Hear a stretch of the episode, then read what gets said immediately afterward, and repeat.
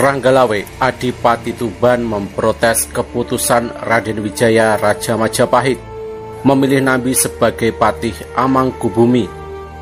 Dia merasa dirinya atau lembu sora lebih pantas. Inilah yang mengawali rentetan pemberontakan di awal berdirinya negara Wilwatikta.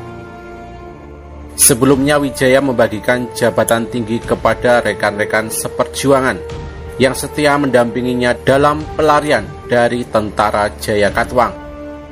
Sebagian nama pengikut Kertarajasa itu dijumpai dalam beberapa prasasti. Dalam prasasti Kudadu menyebut Wiraraja sebagai Mantri Mahawiradikara. Sedangkan dalam prasasti Sukamarta menyebut Empu Tambi atau Empu Nambi sebagai Rakrian Mapati. Lebih tinggi dari Empu Sora sebagai Rakrian Apati di Daha. Sedangkan Kidung Ranggalawe menyebut Ranggalawe sebagai amancanagara di Tuban dan Adipati di Datara. Tokoh yang memimpin pasukan Singasari ke Melayu menjadi panglima perang dan mendapat nama Kebu Anabrang. Namun Kidung Harsawijaya menyebut Ranggalawe sebagai patih Amangkubumi, Nambi sebagai Demung, dan Sora sebagai Tumenggung. Padahal Ranggalawe berseteru dengan Majapahit justru karena tak dipilih menjadi patih Amangkubumi.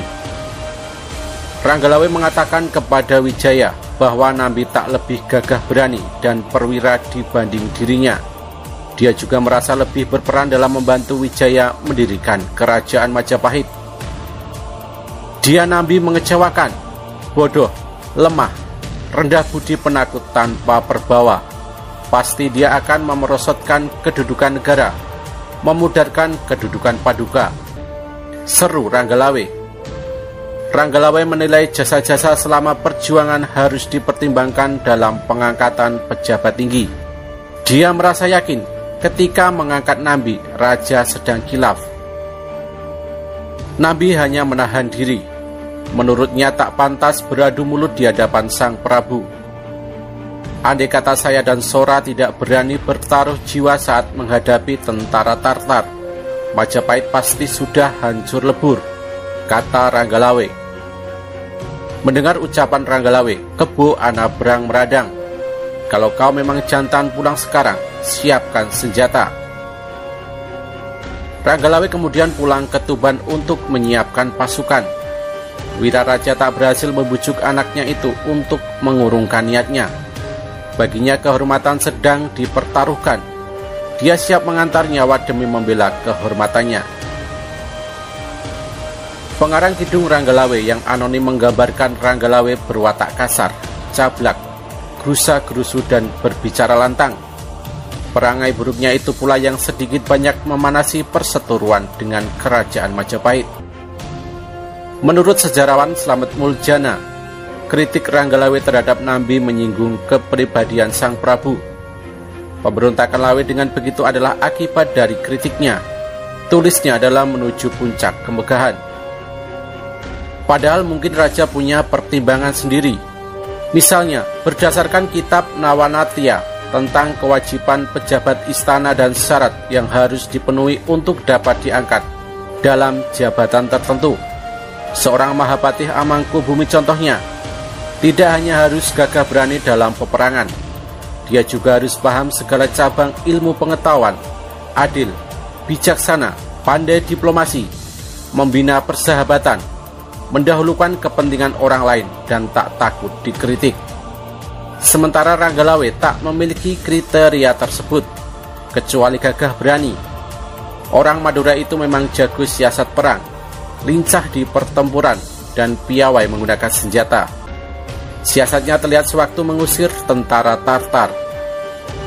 Oleh karena itu, Nambi dan tentara Majapahit tak berhasil mengalahkan Ranggalawe, sehingga Raja turun tangan. Namun ketika Ranggalawe makin menunjukkan keberaniannya, Raja malah sedih menyadari betapa besar kerugian Majapahit jika Ranggalawe tumbang. Puncak pertempuran ketika Ranggalawe berhadapan dengan Kebu Anabrang Mulanya Anabrang hampir tewas, sampai akhirnya mereka bergelut di sungai dan Anabrang berhasil memiting Ranggalawe hingga kehabisan nafas. Melihat itu Lembu Sora menikam Anabrang. Selamat Muljana menyebut kemarahan Lembu Sora atas kematian Ranggalawe bisa dipahami. Sora adalah adik Wiraraja, paman Ranggalawe. Lantas siapa sebenarnya Ranggalawe? Dalam Kidung Ranggalawe, pemberontakan Ranggalawe dikisahkan di bagian kedua. Bagian pertama mengisahkan masa awal perjuangan Wijaya melawan pasukan Tartar dan membangun Majapahit. Ranggalawe yang tinggal di Tanjung, Madura Barat berjumpa pertama kali dengan Wijaya ketika Wiraraja mengutusnya ke Jawa. Dia disuruh mengantar salah satu putri Kertanegara untuk bergabung dengan Wijaya. Ketika tiba di Majapahit, Ranggalawe tak bisa jawab ketika ditanya siapa namanya oleh Wijaya. Wijaya lalu memberinya nama Wenang. Alasannya, dia begitu giat dan pandai melaksanakan segala sesuatu menurut kehendak raja. Berhubung Rangga berarti menjalankan kecerdasan dan kebijaksanaan politik, sehingga tahu apa yang harus dilakukan. Maka kau akan dinamakan Ranggalawe, kata Wijaya. Pakar sastra Jawa PJ Sudmulder dalam Kalangwan menjelaskan wenang merupakan sinonim bagi lawe. Artinya benang atau tali bisa juga berbakat. Sementara itu Kidung Harsawijaya mengungkap bahwa Ranggalawe merupakan seorang pemuda anak pejabat tinggi atau mantri keraton, Raja Narasinga, atau Mahisa Cempaka dari Singasari.